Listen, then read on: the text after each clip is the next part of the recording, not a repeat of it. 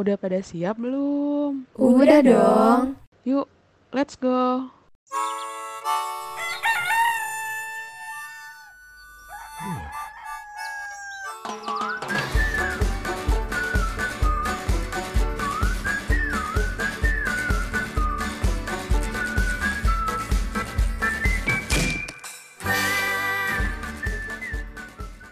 Halo Femkos. Sekarang kamu lagi dengerin iPod. IKK Podcast.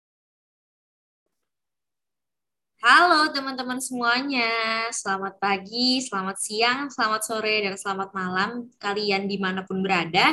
Kembali lagi di podcast Bisa Bincang Asa dari Himaiko dengan aku Amira Zahra dari IKK 57 dan partner aku. Halo semuanya, kenalin aku Afiko dari IKK 57. Gimana nih kabar kalian semua? Semoga selalu baik dan sehat selalu ya. Amin, baik dong ya pastinya. Oh iya nih Vi, beberapa hari lagi, tepatnya tanggal 29 Juni, itu bakal diperingati sebagai Hari Keluarga dan Hari Keluarga Berencana loh. Wih, keren banget ya bisa bareng gitu. Relate juga sama IKK. Selamat Hari Keluarga dan Hari KB. Iya nih teman-teman, selamat Hari Keluarga dan Hari KB ya. Ngomong-ngomong soal Hari Keluarga, sekarang kan masih banyak ya kerasahan tentang keluarga. Kira-kira tentang apa sih, Vi? Um, kayaknya tuh ya beberapa waktu lalu lagi ada bahasan tentang baby boom pasca pandemi gitu. Baby boom pasca pandemi, apa tuh, Vi? Nah, jadi baby boom itu bisa disebut sebagai ledakan angka kelahiran. Nah, ledakan ini tuh justru malah menyebabkan permasalahan terkait sumber daya manusia. Loh, loh, loh, loh, permasalahan kayak gimana tuh, Vi? Jadi kan kenaikan angka kelahiran melesat nih. Nah, jadinya secara nggak langsung bakal mempengaruhi fisik dan mental orang tuanya. Bisa dari segi pengasuhan atau parentingnya. Waduh, ngaruh ke orang tua bayinya banget ya, Vi? Benar, sebenarnya tuh bukan cuma orang tua sih, tapi juga sistem ekonomi. Soalnya kan bisa ngaruh ke kualitas anaknya nanti.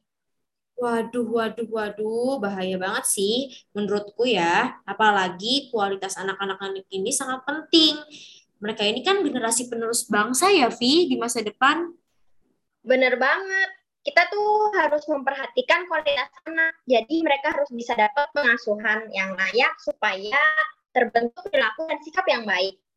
Widi, Widi, Widi, keren banget nih bahasan kita. Oh iya, kira-kira nih Vi, uh, dari kitanya sendiri bisa berperan apa ya kalau kayak begini?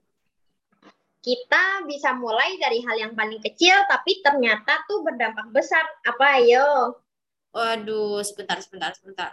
Hmm, waduh, aku nggak kepikiran sih, Vi. Kasih tahu dong ke kita semua supaya kita bisa tahu, Vi. Jadi gini, sebagai siswa atau generasi muda, kita bisa mulai dengan belajar terkait ilmu parenting, ilmu keluarga, pola pengasuhan, dan banyak lagi yang bisa kita pelajari. Makanya bisa dimulai dari dengan kuliahnya dengan baik nih. Bener juga sih ya, harus dengerin kuliah ya dengan baik pastinya.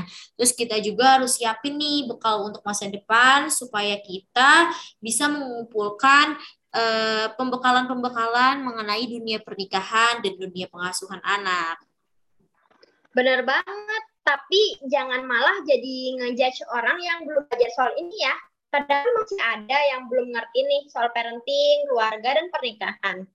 Harus dong, kita nggak boleh ngejudge. Justru kita itu harus membersamai para pasangan yang sudah menikah untuk mengantisipasi baby boom pasca pandemi tadi.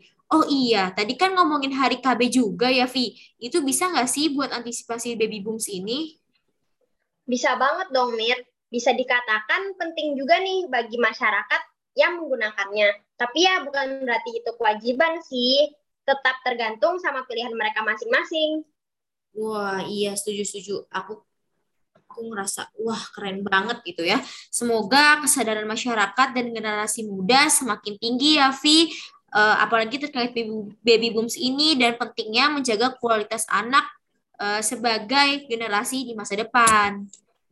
Amin. Oh iya, kayaknya udah cukup nggak sih pembahasan kita sampai sini?